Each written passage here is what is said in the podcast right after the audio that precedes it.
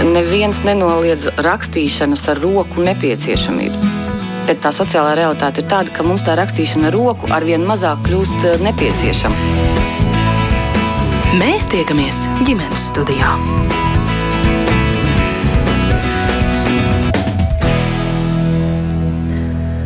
Labdien! Es priecājos sveicināt jūs visus redzējumu ģimenes studiju klausītājus. Mans vārds ir Agnese Linka, un šī redzējuma producente ir Ilza Zvaigzne. Nu pat klāt eksāmenu laiks vakar, un šodien noslēguma pārbaudījums latviešu valodā, bet parīt matemātikā kārtos devītklasnieki, arī vidusskolu beidzēji pagājušajā nedēļā jau rakstījuši divus eksāmenus - 17. maijā latviešu valodu un 20. maijā matemātiku. Šajā nedēļā saliktīja trīs eksāmeni. Pirmdien norisinājās vēstures, šodien ķīmijas, bet piekdien fizikas eksāmeni un nākamnedēļ dēļ vēl pārbaudījumi bioloģijā un informātikā. Kā jauniešiem tikt galā ar eksāmenu trauksmi, satraukumu, kas saistīts ar uh, gala noslēguma pārbaudījumu kārtošanu, kā saglabāt tādu augstu motivāciju un arī dzen centību vienlaikus nepārdegt gana intensīvā pārbaudas uh, darbu plānojumā par to šai sarunā, un tās dalībnieki šodien būs Rīgas biznesa skolas bakalaura programmu vadītājs un līderības treneris Klaudijo Riviera. Labdien! Labdien. Un Rīgas un, un psiholoģe, kognitīva behaviorālā terapeite Inese Elsiņa. Labdien, Inese, dzirdat mani? Labdien, jā. jā priecājamies, ka arī jūs mums pievienojaties. Vēlāk šai sarunai pievienosies vēl citi tās dalībnieki, un kā Allaž, protams, arī šodien mēs gaidīsim jūsu klausītāju komentārus, viedokļus, kādus pieredzes stāstus, jo jums tādi ir droši. Rakstiet, sūtiet mums ziņas no Latvijas radio mājaslapas. Jautājums, ar ko es gribētu sākt šo sarunu, vispirms varbūt Inesei, un tad arī Klaudio papildinās vai eksāmenu un pārbaudas darbi, vai tas ir tāds uh, stress, universāls stress visiem cilvēkiem, jebkurā vecumā un jebkuram personības tipam, Ines, kā jūs teiktu? Uh, jā, uh, eksāmeni kopumā ir uh, tāds nozīmīgs posms cilvēka dzīvē. Nu, viņi nepa, nu, parasti nenotiek nu, tā katru nedēļu vai katru mēnesi. Tas parasti ir noslēdzoties kādam svarīgam mācību posmam vai studiju posmam. Un, protams, viņi saistās ar papildu spriedzi, papildu stresu, jo uh, tiek liktas cerības uz uh, nu, labiem rezultātiem, uz labiem iznākumiem, jo no tā ļoti bieži ir atkarīgs uh, skolēna vai studenta tālākais ceļš dzīvē. Uh, līdz ar to, protams, ka mm, domāju, ka tas skar li lielāko vai, nu, gandrīz vai visus, uh, visus uh, skolēnus, studentus un arī pieaugušos, kuri saskarās ar eksāmeniem. Taču, protams, izjustēs, subjektīvi izjustēs stresa līmenis, ja trauksmes līmenis, spriedzes līmenis var būt ļoti atšķirīgs katram, tad atkarībā no viņa personības, no, uh, no, no dažādiem faktoriem. Uh, kā, bet skar, skar, skar visus, jā, jo tas tomēr ir tāds ļoti nozīmīgs nozīmīgs posms, noslēdzošais posms cilvēka dzīvē. Mhm. Nu jā, Inese pieminēja, ka daudz liek cerības uz labiem rezultātiem. Jā. Ne visi taču vienmēr liek uzsvaru uz to, kādi būs mani rezultāti vai sasniegumi. Kā jūs, Klaudijā, teikt? Jā, un, un, un īstenībā es pavisam nesen biju lektors, vieslektors vasarā Ķīna. Ķīna un, jā. jā, un tur man bija iespējas arī iepazīties Lodiju cīļi ar, ar, ar, ar sistēmu, ka viņiem jau ir nu, sen, seniem laikiem, un, un, un tur ir tā piramīda, ka nu, tad, jau simtiem gadiem, kur tie, kā varēja strādāt ļoti augstos amatos, viņiem bija jāiet pāri ļoti smagus pārbaudījumus. pārbaudījumus. Un, un īstenībā ja skatāmies, nu, tagad sabiedrība tehnoloģija ir tik daudz attīstījusies, ka mēs to varam darīt daudz cilvēciskākajā veidā. Tagad. Un e, tā, tā laika viņi to varēja darīt tikai tādā veidā, ka bija viena diena, kur visiem bija jākārto vienu eksāmenu, tāpēc, ka nebija cits variants. Bet tagad, protams, mēs darām to, ka vienā mēnesī mēs liekam ļoti daudz eksāmenu vai pārbaudījumu, bet ar tehnoloģijām, kam tagad mums ir pieejamas, Mēs varam dot jauniešiem, bērniem daudz vairāk iespēju pārbaudīt savas zināšanas, un vienmēr būs nervozitāte, vienmēr būs tas stress. jebkurā brīdī, tagad tas nav mana pirmā intervija, man ir daudz interviju. Šajā brīdī man kaut kāds stresa līmenis man arī ir, vai ne? Bet, bet zinām, arī tas ir pārbaudījums.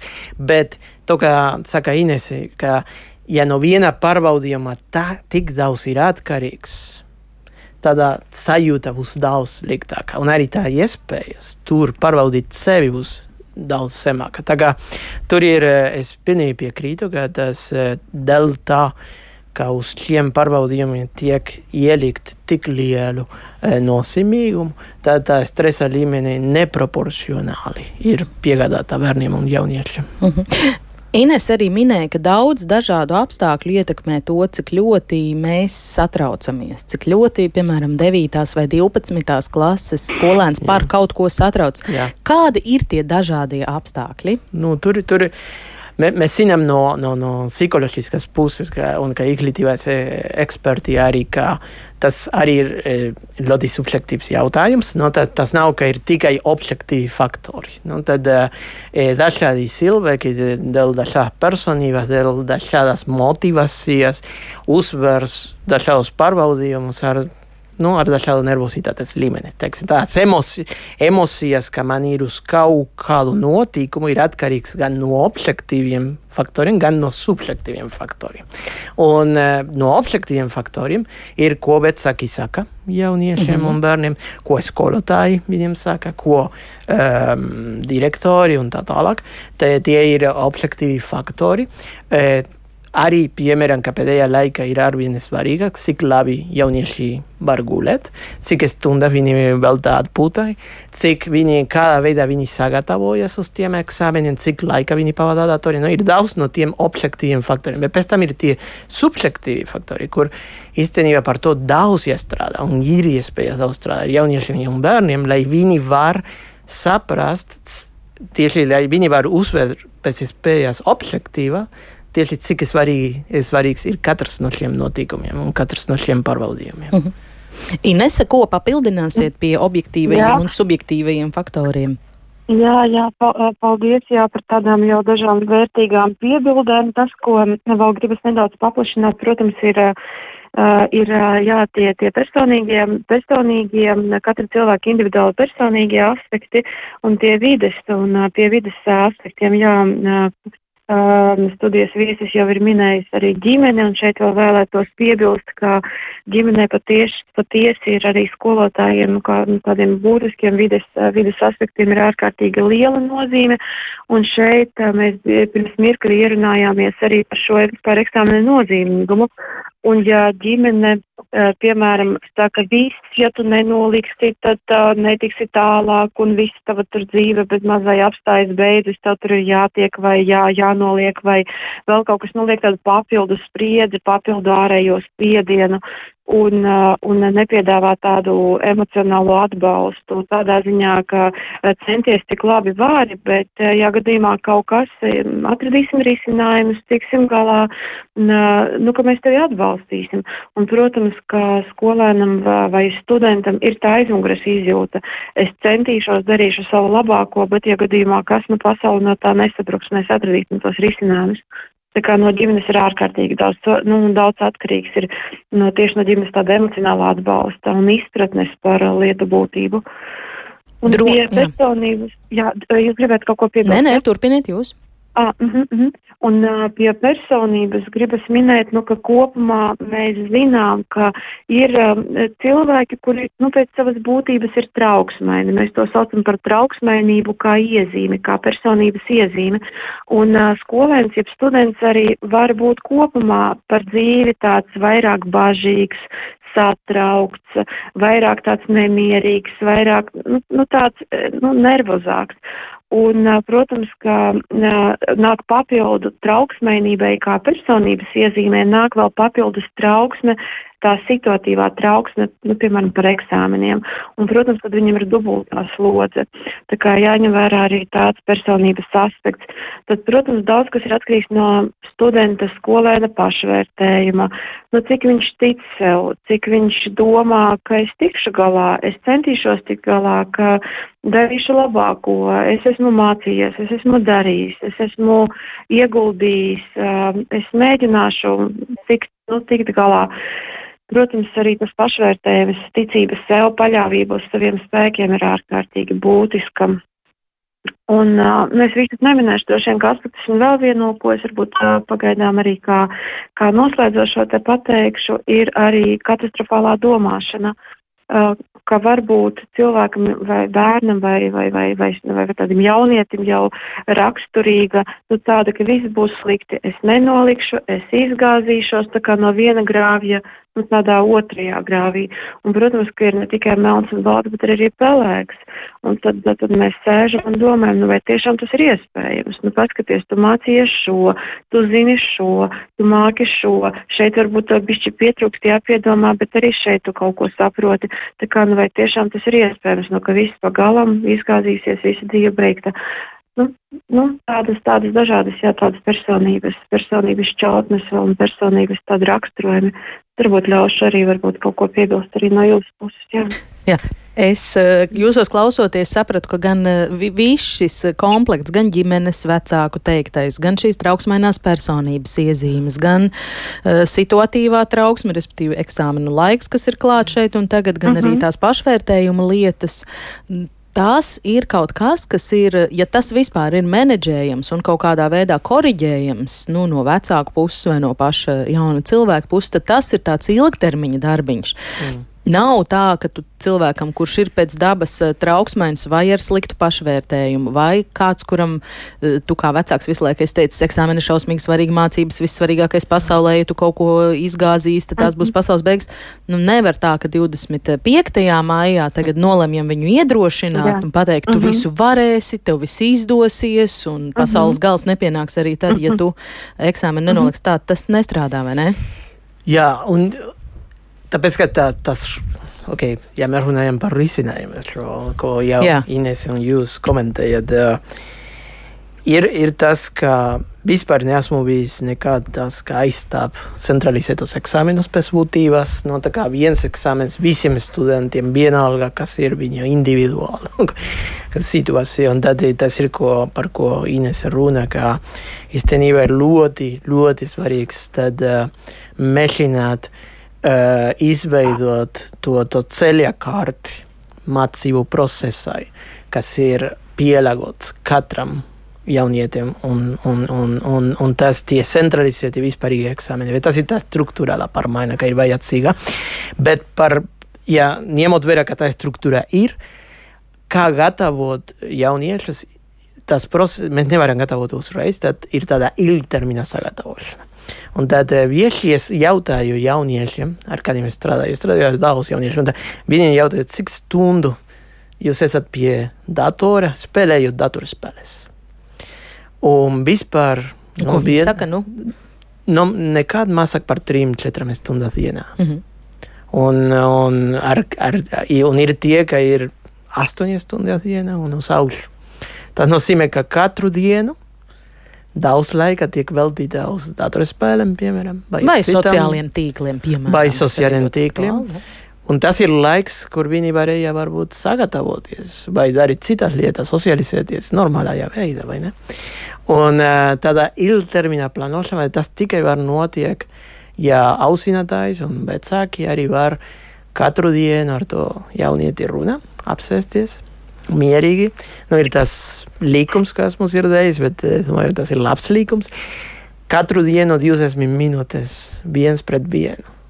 Normāla saruna. Bez nekāda, teiksim, mobilā tālruna no priekšā nekas, kur var notiekt tāda personīga saruna ar to jaunieti, kas notiek, kā iet, kas, kādā veidā saplānot to darbu lai tieši nenotiek tā, ka maijā mēnesī, kad jau nāc eksāmeni, pēkšņi jāapsēsties un sāk mācīties. Tādā veidā mēs viņu sagatavojam dzīvei. Tāpēc, ka dzīve nenotiek tā, ka mums ir viens eksāmens gadā. Dzīve visu laiku tev ir pārbaudījumi.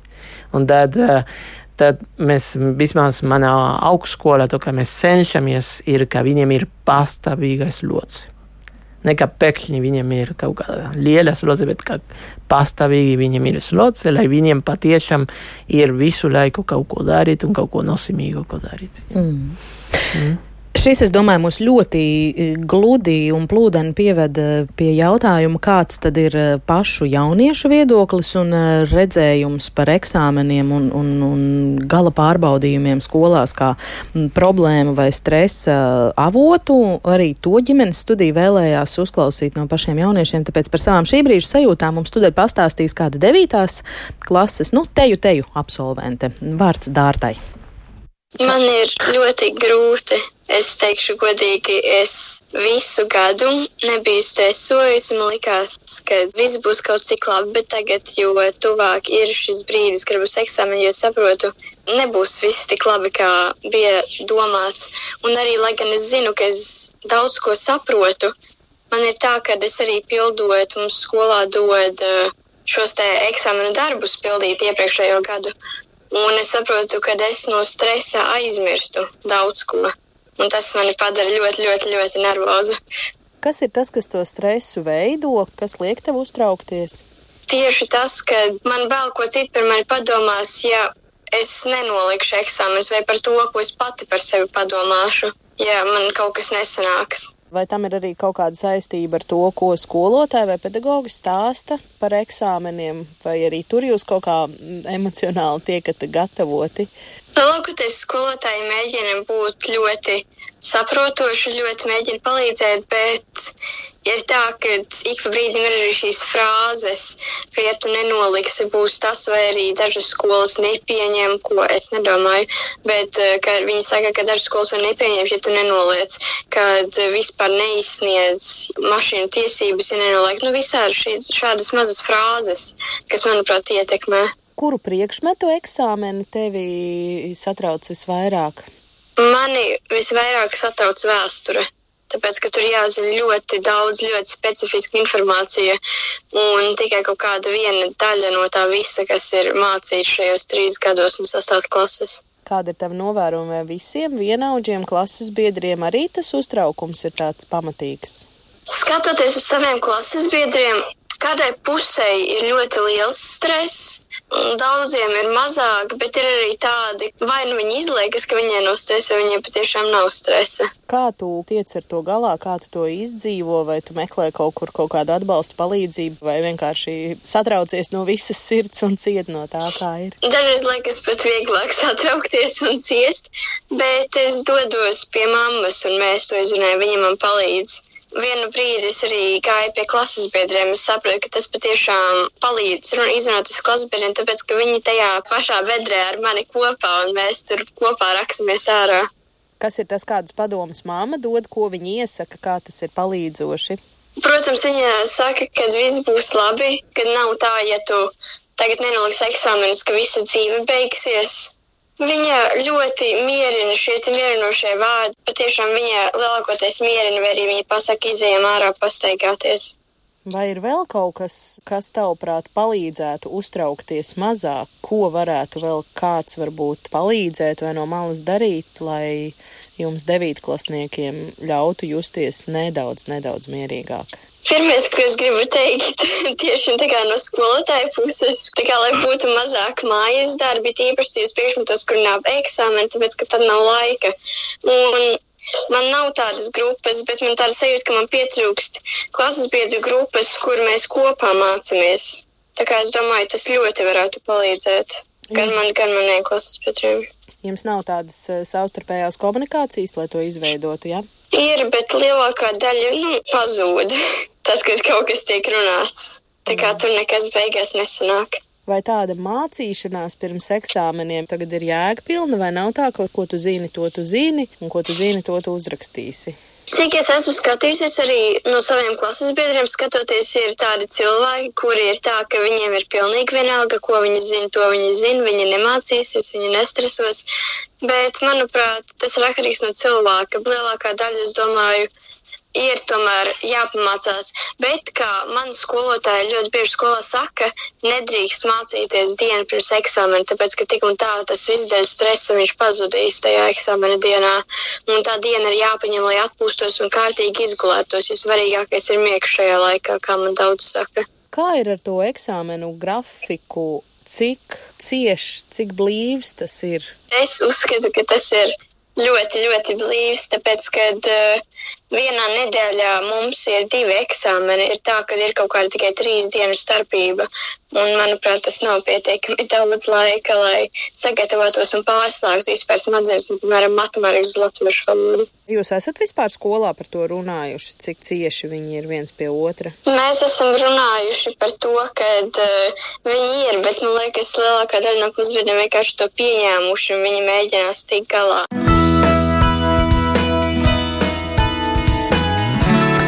Tālūk, devītklasniece Dārta. Jā, Klaudija uzreiz ievilka elpu.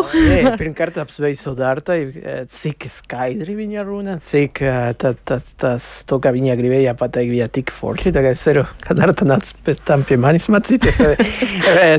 bet otrais, viena lieta, ko teicu, daudz pierakstīju.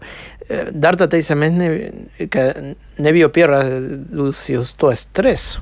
Pēkšņi tas stress nāca. Stress pats par sevi nav slikts, pats par sevi nu, dzīvē būs stress, vai ne? Tad būs stress ģimenes jautājums, darba jautājums.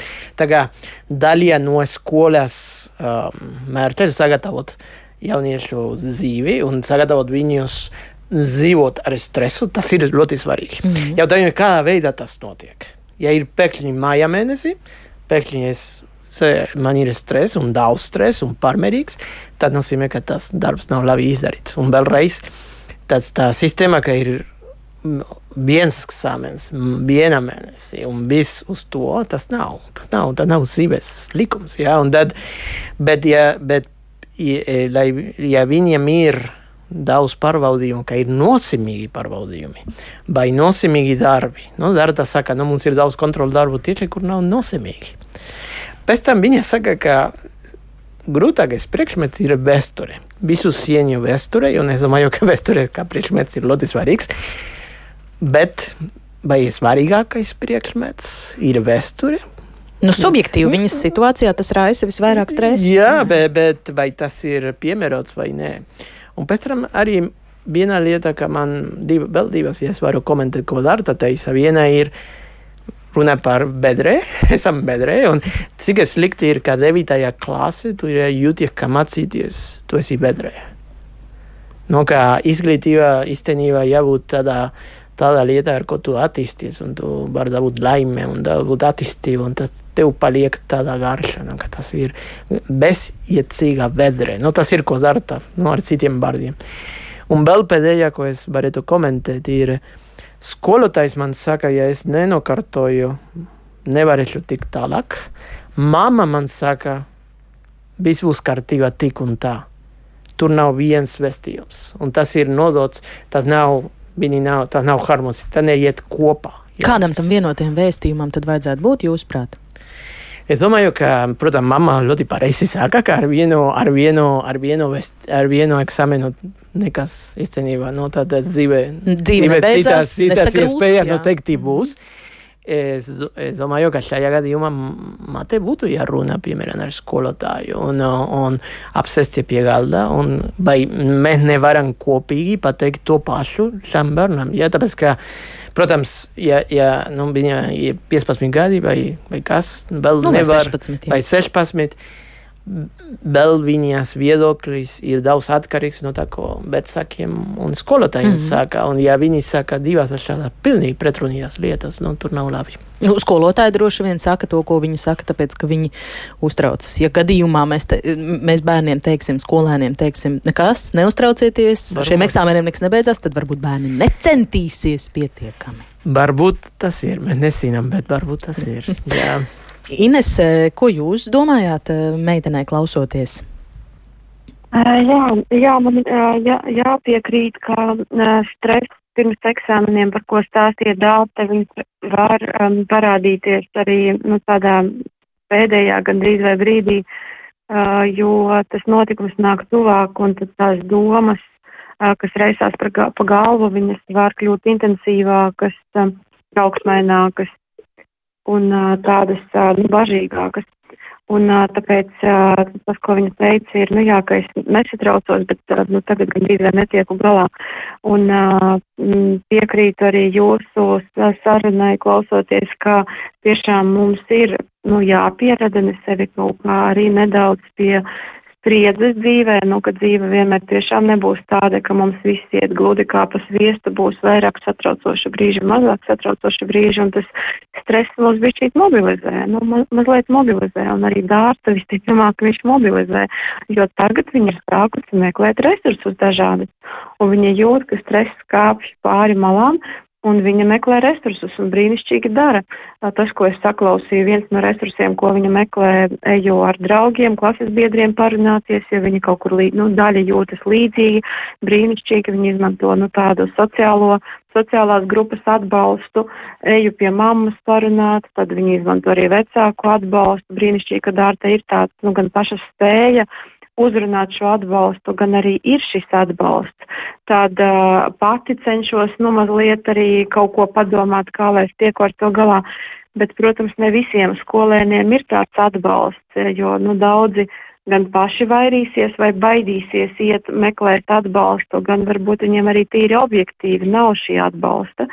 Līdz ar to tas, ko es dārtas stāstītajā saklausīju, ka lai vai kas, lai vai kādi dzīvē pārbaudījumi, mums ir ārkārtīgi svarīgi, ka mēs apzināmies, ka mums ir atbalsta resursi, ka mēs varam vērsties, mēs varam meklēt, mēs varam aicināt kaut ko mums palīgā, gan arī, nu, ka objektīvi tiešām ir šis, šis atbalsts. Mēs psiholoģijā runājam par sociālo atbalstu kā tādu svarīgu faktoru, nu, tās psihiskās veselības kontekstā, un tur mēs nodalām šo objektīvi pieejamo atbalstu, vai tiešām ir skolotājs, ar kuru parunāt, vai tiešām ir vecāks, kas atbalstīs, vai draugi, kas atbalstīs.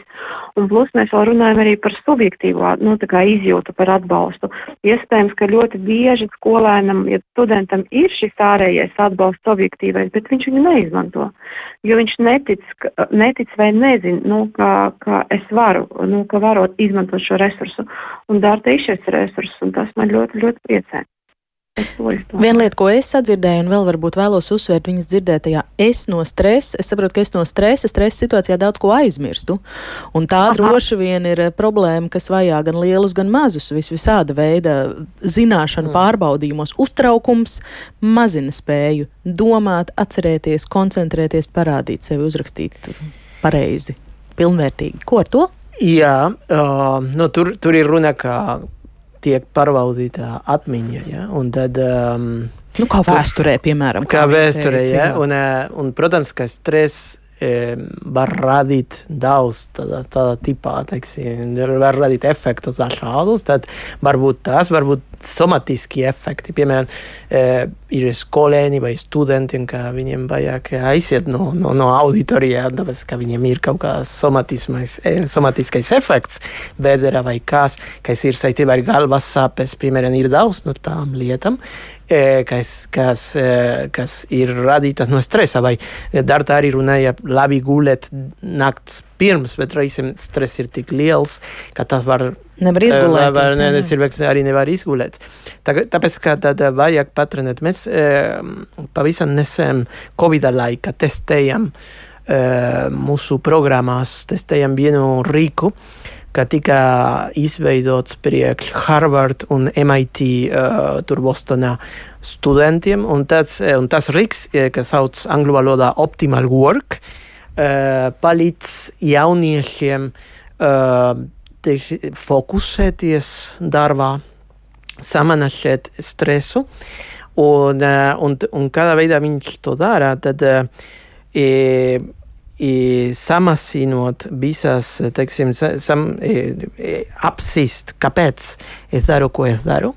Darta arī runa par to motivāciju, tāpēc, ka tas uzreiz paaugstina to jēgu. Nu, es, es gribu, kāpēc es darīšu šo eksāmenu, kāpēc es izstrādāšu šo kontrolu darbu, kāpēc es izstrādāšu šo pārbaudījumu. Tas, tas ļoti palīdz. Tā atgādina to jēgu par to, kā es darīšu. Otrais ir e, pārveidot to konkrētu uh, grūtību par pozitīvu izaicinājumu. Tad, uh, un, uh, tas, tā, šis rīks, ko mēs izmantojam ar mūsu studentiem, ka īstenībā ir pārbaudīts, ka paaugstina būtiski studentu, studentu mācībās kvalitāti, ir, ka īstenībā, ko, ko, ko, ko viņš dara, ir atdalīt šo konkrēto izaicinājumu mazas daļas, palīdz studentam to atdalīt un saprast, ka ir realizējams un ka īstenībā, e, e, ejot cauri, piemēram, vēstures eksāmenu, es varu attīstīt šo prasmi, šo prasmi, šo prasmi. Tas ir kaut ko, ko Dārta varbūt nesaprot, jā, un tāpēc, ka viņa saka, nu, kādā jēga.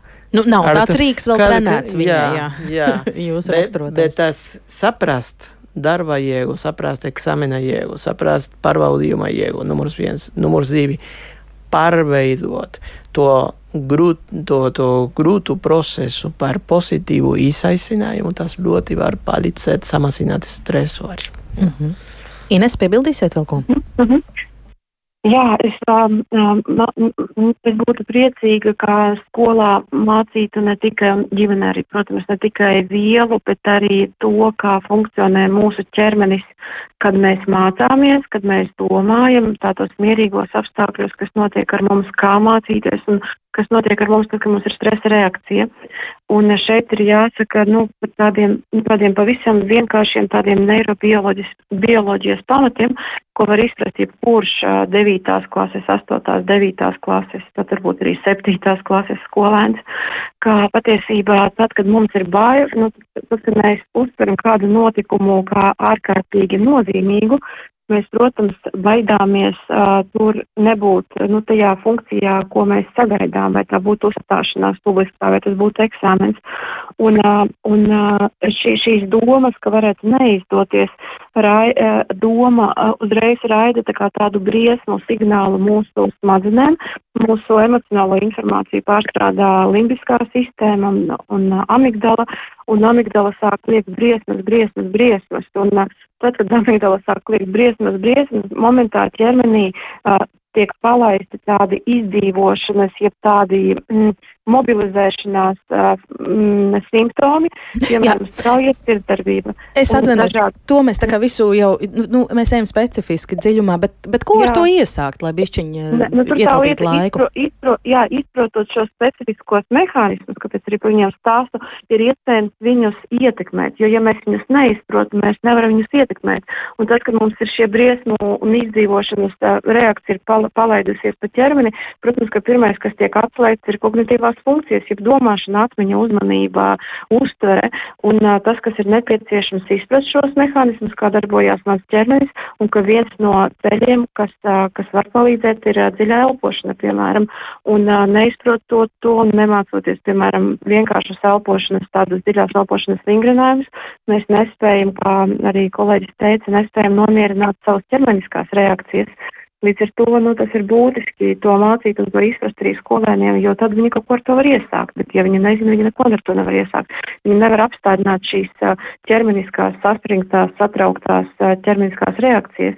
Un elpošana ir viena no lietām, kas brīnišķīgi palīdz nomierināt ķermeni un nomierināt uh, nervu sistēmu, un līdz ar to domāšana vairs nav tuneļveida, bet viņa atverās un viņa sāk palikt nu, tāda nu, iesaistītākā šim Jā. brīdim, šajā, šajā, šajā brīdī. Hm. Klaudijo īsi, jūs vēl kaut ko Nē, tas, ko Inese runā, ir, mēs tagad arvien vairāk izmantojam to, kas sauc apzinātība vai mindfulness angļu valodā, mm -hmm. ka ir mhm. praktise to elpošanu, to samierināšanu. Tas, tas būtu ļoti izdevīgi īstenībā sko, skolēnos un skolotājus varbūt apmācīt ar to. Es atgādināšu, ka šodien ģimenes studijā mēs runājam par to, kā jauniešiem tikt galā ar eksāmenu trauksmi. Un šeit studijā klātienē ar mums kopā Rīgas biznesa skolas bakalaura programmu vadītājs un līderības treneris Klaudio Riviera un telefoniski ar mums kopā arī psiholoģija Inese Elsiņa. Klausītāji iesaistās mūsu sarunā, rakstot, ka Ines saka, darba vietā parasti neviens neprasa no tevis katru dienu nodot lielu projektu. Šķiet, ka no bērniem eksāmenu laikā mēs prasām to, ko pat no pieaugušajiem parasti nepieprasa. Un, Anda saka, satraucoši daudz bērnu no viņas meitas 9. klases šogad eksāmenus nekārto vispār, jo ir atbrīvojumi. Un viņi nezina, cik no tiem tiešām ir pamatoti un kā šie bērni tiks eh, galā nākamreiz. Eh, šobrīd mūsu sarunai pievienosies Zane. Viņa arī ir 9. klases eh, skolēna mamma. Uh, sagadīšanās pēc arī bērnu ārsts. Viņa redzot sava dēla mācību noslēgumu pārbaudījumu grafiku, saka, tas nav pārdomāti un skolēnam labvēlīgi saplānots. Paklausīsimies Zanes teiktajā. Man dēls šogad beidz 9. klasi, un uh, nesen noskaidrojās, ka eksāmenu grafiks ir tāds, ka visi eksāmeni, tā skaitā arī iestāja eksāmenis, ir sabīdīti divās nedēļās. Nu, viens eksāmenis vēl vēsturē laikam ir vēl pēc tām divām nedēļām. Un, uh, attiecīgi, tas grafiks izskatās uh, uz papīra diezgan dramatiski. Respektīvi, 24. 25. ir latviešu valodas eksāmenis, 27. matemātikas eksāmenis. Pirmajā jūnijā ir svešvaloda, un 2. jūnijā ir otra daļa svešvalodai, un 3. jūnijā savukārt ir vienotais iestāja eksāmens, kas ir, neatceros, cik viņš divas vai trīs stundas ilgst, kur ir svešvaloda un matemātika matematika abas kopā, kas, manuprāt, prasa ļoti lielu tādu garīgu piepūli. Un uh, 7. jūnijā ir uh, Latvijas vēstures eksāmens. Un ir tā, ka katra tā eksāmena diena ir organizēta tā, ka no rīta ir tas eksāmens, uh, laikam vienā dienā ir arī kaut kad pusdienas laikā eksāmens, bet, piemēram, no rīta ir eksāmens, pēcpusdienā ir atkal konsultācija uz nākamo eksāmenu. Līdz ar to sanāk, ka skolnieks pēc noliktā eksāmena pat nevar atpūsties, tā kā nav tādas iespējas. Nu, skatoties uz to grafiku, man rodās tādi jautājumi. Pirmkārt, kādēļ, piemēram, to pašu latviešu valodu nevarētu varbūt likt vienā dienā? Vai kādēļ, piemēram, svešvalodas un matemātikas eksāmenus nebūtu iespējams apvienot ar iestāju eksāmenu, likt vienu eksāmenu un, un, un to arī uh, ņemt vērā kā iestāju eksāmenu atzīmi. Nu, es nezinu, ir jau dažādi veidi, kā organizēt. Pie visa tā vēl arī, kad es uh, jautāju skolas vadībai, kādēļ tā, tad uh, viņi stāstīja man, ka viņi arī nav apmierināti ar šo situāciju un ka uh, papildus tam visam vēl esot problēma, ka pārējiem skolniekiem šajā laikā turpinās mācības. Līdz ar to tā eksāmena vide arī nav tāda mierīga vidi, kur var tā labi koncentrēties. Parasti es bijis tā, ka tomēr šie eksāmeni esot bijuši jūnija sākumā, laikam, ja es pareizi saprotu. Papildus, manuprāt, problēma pie tā visa vēl ir tāda, ka šie ir pandēmijas skolnieki un uh, astotās klases viela, kad bija pilnībā viss attālināti, ir diezgan uh, slikti apgūti, cik es saprotu. Un uh, viņiem faktiski nav bijis tāda normāla laika, kad atkārtot arī to iepriekšējo vielu.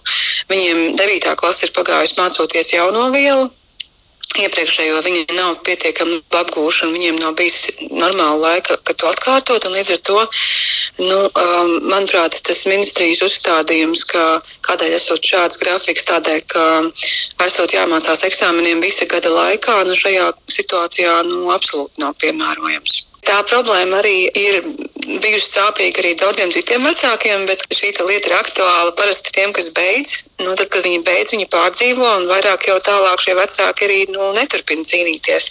Nu, man ir vēl jaunāka meita. Nu, protams, ka es gribētu, lai pēc diviem gadiem viņai nebūtu šādos apstākļos jāliek eksāmeni. Bet vai man būs laiks tam pievērsties un cīnīties? Un es saprotu arī, ka, ka, ka ir cilvēki, kas ir rakstījuši arī vēstules uz ministriju. Un, racionālas, konstruktīvas atbildes eh, nav saņēmuši, izskaidrojošas, vai, vai arī tas ir izskaidrots, eh, kā jau es teicu, ar to, ka esot jāmācās eksāmeniem visu gadu garumā, un līdz ar to nav nekāda nepieciešamība uz kaut kādām pauzēm starp eksāmeniem. Bet es domāju, ka tās pauzes jau ir nepieciešamas ne tikai tādēļ, lai sagatavotos eksāmenam, vai kaut ko mazliet atkārtotu, bet arī tādēļ, lai vienkārši ievilktu elpu ja, un sagatavotos atkal tam nākamajam stresa vilnim.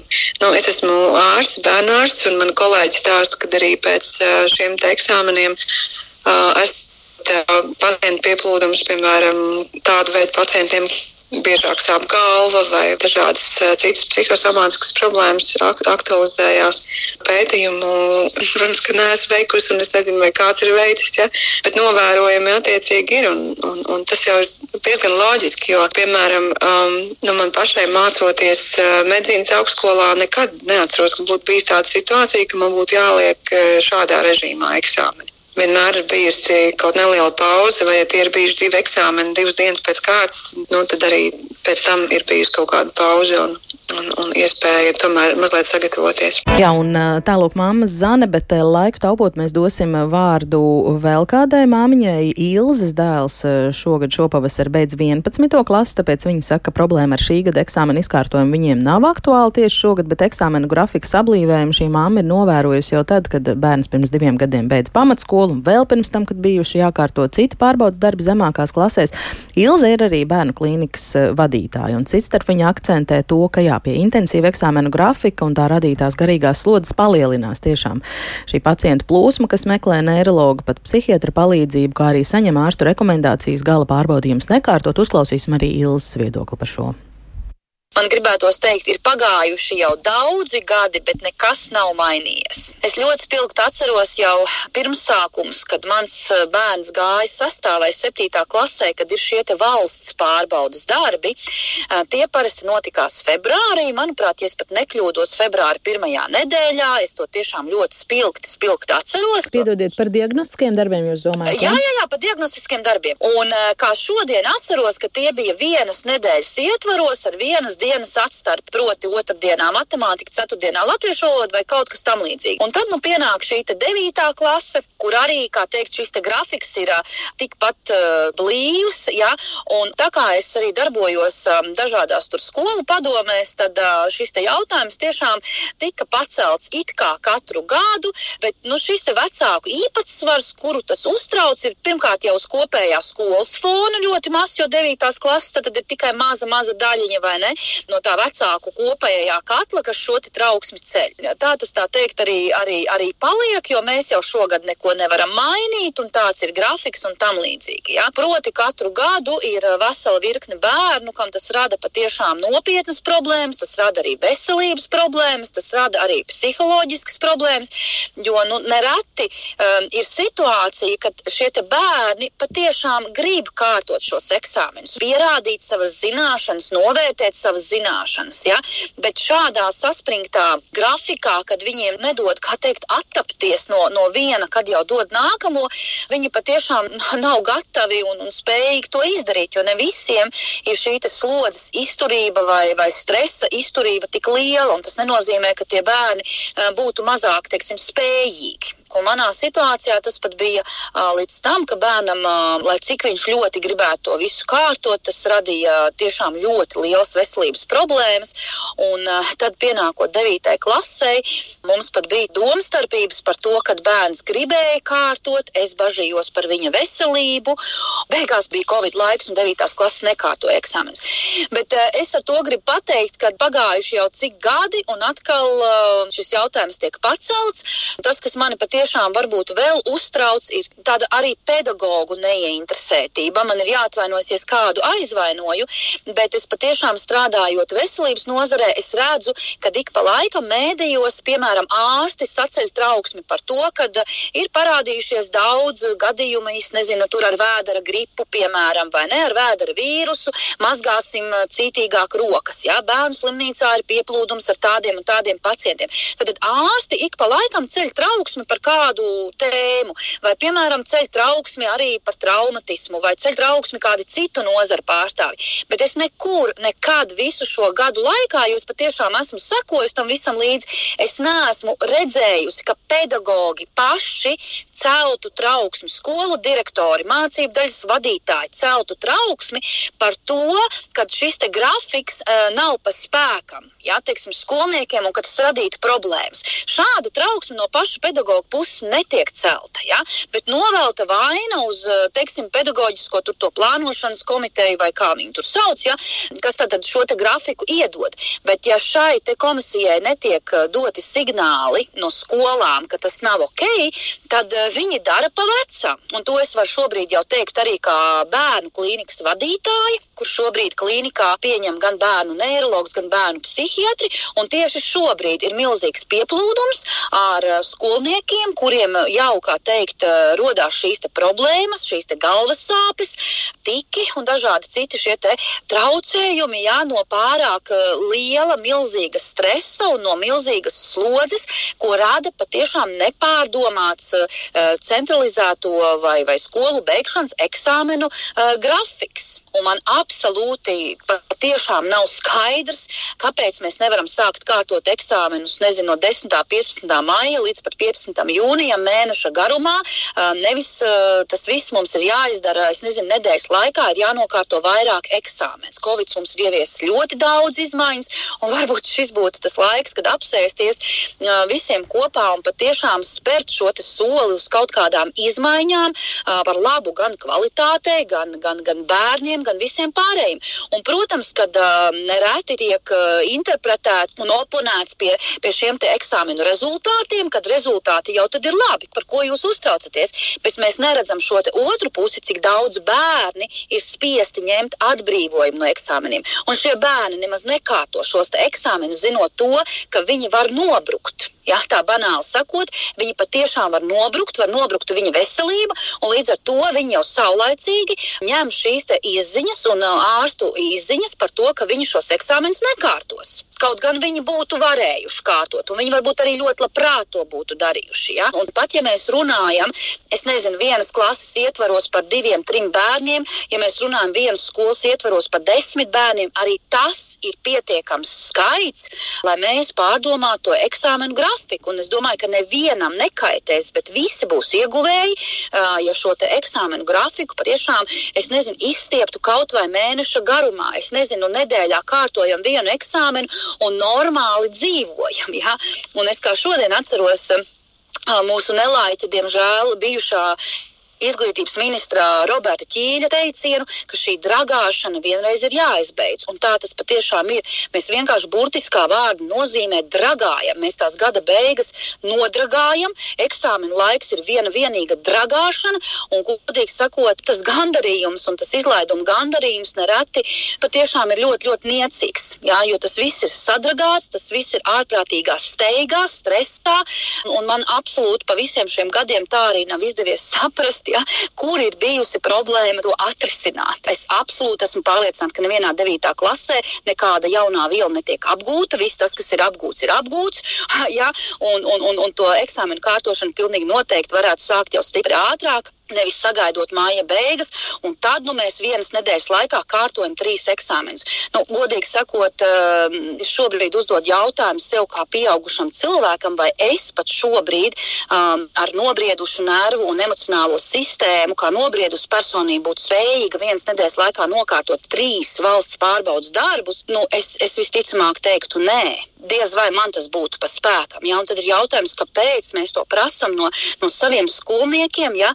no saviem bērniem un, un tam līdzīgi. Un šis jautājums man patiešām ir ļoti, ļoti sāpīgs, jo es tiešām redzu, ka nekas nav mainījies ento gadu garumā, un es zinu, kad ir rakstīti, um, nezinu, vecāku vēstules, un ir izteikti viedokļi, un ir celtas trauksmes, bet tas viss ir tā, suņi rej un karavāni ir tālāk. Šobrīd mēs to vien darām, kā šiem bērniem ar traucējumiem, ja, dodam rekomendācijas nekārtot eksāmenus. Ja? Jautājums ir, vai tiešām tā ir uh, labākā izvēle teiksim, gan bērnam, gan skolotājiem, gan visiem mums kopā kā sabiedrībai. Ja? Es šeit tiešām aicinātu uh, pašus skolotājus, skolu pedagogus, direktors un mācību daļas atbildīgos ja? celt šo, trau, šo trauksmu un padomāt par mūsu bērnu veselību, ja? gan psihisko, gan emocionālo un visu pārējo. Ja? Kā vārdā mēs viņus mācām, lai mēs viņus patiešām nomocītu gada beigās. Ja? Jāuzdod sev šis jautājums, kāds ir mūsu mērķis.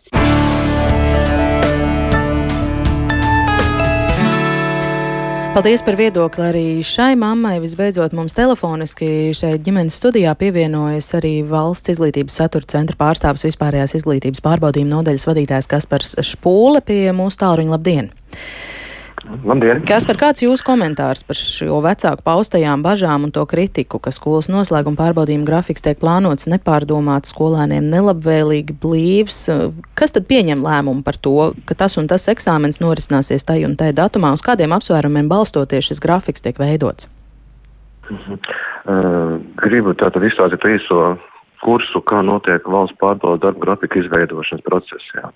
Un, uh, Īsais ir jāstāsta, jo dikti daudz laika mums vairs nav jākoncentrēt. Īsais, jā. jā, tad būtībā tie ir ministra kabineta noteikumi. Un kā jūs droši vien visi ziniet, ka ministra kabineta noteikumus tad vismaz izstrādā, tālāk notiek sabiedriska apspriešana, sniedz dažādas asociācijas un arī, tā skaitā, ministrijas atzinumus par šādu grafiku pieņemšanu, apstiprināšanu. Ja? Un Tad vienas iestādes, kas to sastāda, nav, vai tas, esat, vai tas tā, ir valsts izglītības satura centrs? Valsts izglītības satura centra virzīs grafiks ja, uh, kura uzdevums ir šajā grafikā mācību gada noslēgumā, jo pārbaudas darbs laikam sāk ātrāk par māju nebūtu korekti. Un mums ir mācību gada noslēgumā, tiek, tiek, tiek šajā grafikā ielikti, teiksim, šajā mācību gadā pieci 9. klašu eksāmeni. Uh, pieci, tāpēc, tāpēc, ka mēs neviens vecākai nepieminējām latviešu valodu mazāk notiklīdzības programmās. Un šie eksāmeni jau šajā mācību gadā ir uh, tātad sakārtoti no no 24. maija līdz 7. jūnijam. Jā, tas Nav mammu jautājums bija no 15. maija līdz 15. jūnijam. Kāpēc nevarētu, piemēram, kārtot? Ka gadiem šī uh, ir problēma. Mums tiešām nav vairs. Jāņem, mums ir jāņem vērā arī to, ka skolā nemācās tikai 9. klases skolēni. Skolā mācās arī vidusskolēni. Un lai visus eksāmenus, kas nākamajam būtu 28, saliktu grafikā, uh, tas vienkārši ir neiespējams. Ja? Un mums, protams, ir jāiekļaujas arī mācību gadu garumā ar visiem papildu termiņu eksāmeniem. Un es tiešām gribētu piekrist, ka ik kādam skolēnam jākārto trīs eksāmeni nedēļā. Uh, mums ir vienīgais, mums ir veselības ministrijas uh, ieteikums, ir, ka starp eksāmeniem jābūt vismaz 24 stundām. Mums starp visiem eksāmeniem ir viena vai, vai pat vairākas stundas uh, dienas ir starpā. Uh, te bija uztraukums, ka, teiksim, latviešu eksāmenis ir divas dienas. Jā, tas ir divas dienas. Pirmajā dienā skolē raksta rakstu darbu, uh, un otrajā dienā viņi atbild mutisko uh, daļu, kas ir faktiski 10 minūšu eksāmenis, kuram arī īpaši ne, nevar sagatavoties. Tas, ka notiek konsultācijas uh, pa vidu, jā, un tad vēl viens eksāmenis piekdienā. Tas ir skolas eh, jautājums, konsultācijas jautājums, ko dara šajās konsultācijās. Protams, ka konsultāciju laikā nevar atkārtot deviņu klašu vielu, var vienīgais skolēns ir izstāstīt, kāda eksāmena norises kārtība, kāda veida uzdevuma būs jāveic, un patiesībā tas ir būs, kur ir konsultācijas. Parasti šīs konsultācijas skolotāji notatēja pašā dienā, kad skolēni atnākuši uz eksāmenu, kārtot kādu eksāmenu, un tad pēc eksāmena visi sanāk kopā klasē, izrunā, kā gājas eksāmenā un dod informāciju, kā doties nākamajam eksāmenam. Uh, sīkāk, smalkāk konsultācijas nav pat nepieciešams, un arī neviens tam tie dokuments arī pat nenosaka, ka ir jāuzsver šīs konsultācijas. Jā. Piedodiet laiku taupot, es pāriešu pie otrā jautājuma. Mums tiešām ir minūte laika atlikusi. Viena no mamām ierakstā teica, ka ir aktīva skolas vecāku padomē, ka ilgstoši gadu no gada tieši ir rakstīti visvisādi iesniegumi, ir rosinājumi vai pie jums valsts izglītības satura centrā vai, vai ministrijā varbūt jūs zinat nonākuši kādi ierosinājumi no vecākiem vai skolu pārstāvji arī šo jautājumu aktualizē, ka eksāmenu grafiks ir pārāk blīvs. Ik pa brīdi arī skolas pārstāvs šeit, bet jebkurā gadījumā saka, mums ir jāņem kompleks kopumā, ka tā nav tikai 9. klase, ir arī 12. klases skolēni, arī nākamgad, 11. klases skolēni, ja, un šos vecākus var iepriecināt ar tādu ziņu, ka, teiksim, nākamgad 9. klases skolēniem. Pirmā eksāmena kārtos 17. maijā, otro kārtos 24. maijā, trešo kārtos 2. 1. jūnijā. Tātad nedaudz, nedaudz skrajāks šis grafiks būs, jā? Ja? Ir nedaudz skrajāks šis jā, grafiks, jā. ir, jā, tikai, protams, sakabos jākams, jā, vai tiešām visi skolēni gatavi pabeigt eksāmenu. Un kā novēlējumu gribētu tomēr pateikt arī vēl tādu, ka, mīļie vecāki un arī skolotāju, lūdzu, nenobaidiet bērnus no eksāmena. Jā, paldies par to, jo mēs runājām šeit eh, raidījumu visu pirmo daļu. Paldies! Jā. Paldies, kas par mums tiešām eh, diezgan eh, švaki ar laiku, lai, lai eh, vēl noklausītos visu līdz galam, bet teikšu paldies jums, tātad Valsts izglītības satura centra vispārējās izglītības pārbaudījuma nodeļas vadītājs Kaspar Špūle komentēja, noteikti šim tematam vēl sekosim, jo vairāk vecāku komentāru arī par to, kāpēc kompetenci pieejas mainās, jau daļa 11. klasē tiek likt eksāmeni, tur arī vecāks saredz problēmas. Klaudio Riviera, Rīgas biznesa skolas bakalaura programma vadītājs, līderības treneris arī dzen šodien bija šeit ģimenes studijā studijā un psiholoģines Elsiņa raidījumu šodien veidoja Agnes Linkuna Gulbe un Ilze Zvaigzne. Rīt runāsim par pedagoģu labbūtību un problēmām viņu darba apstākļu nodrošināšanā ģimenes studijā no diviem līdz trījiem. Vislabāk! Ģimenes studija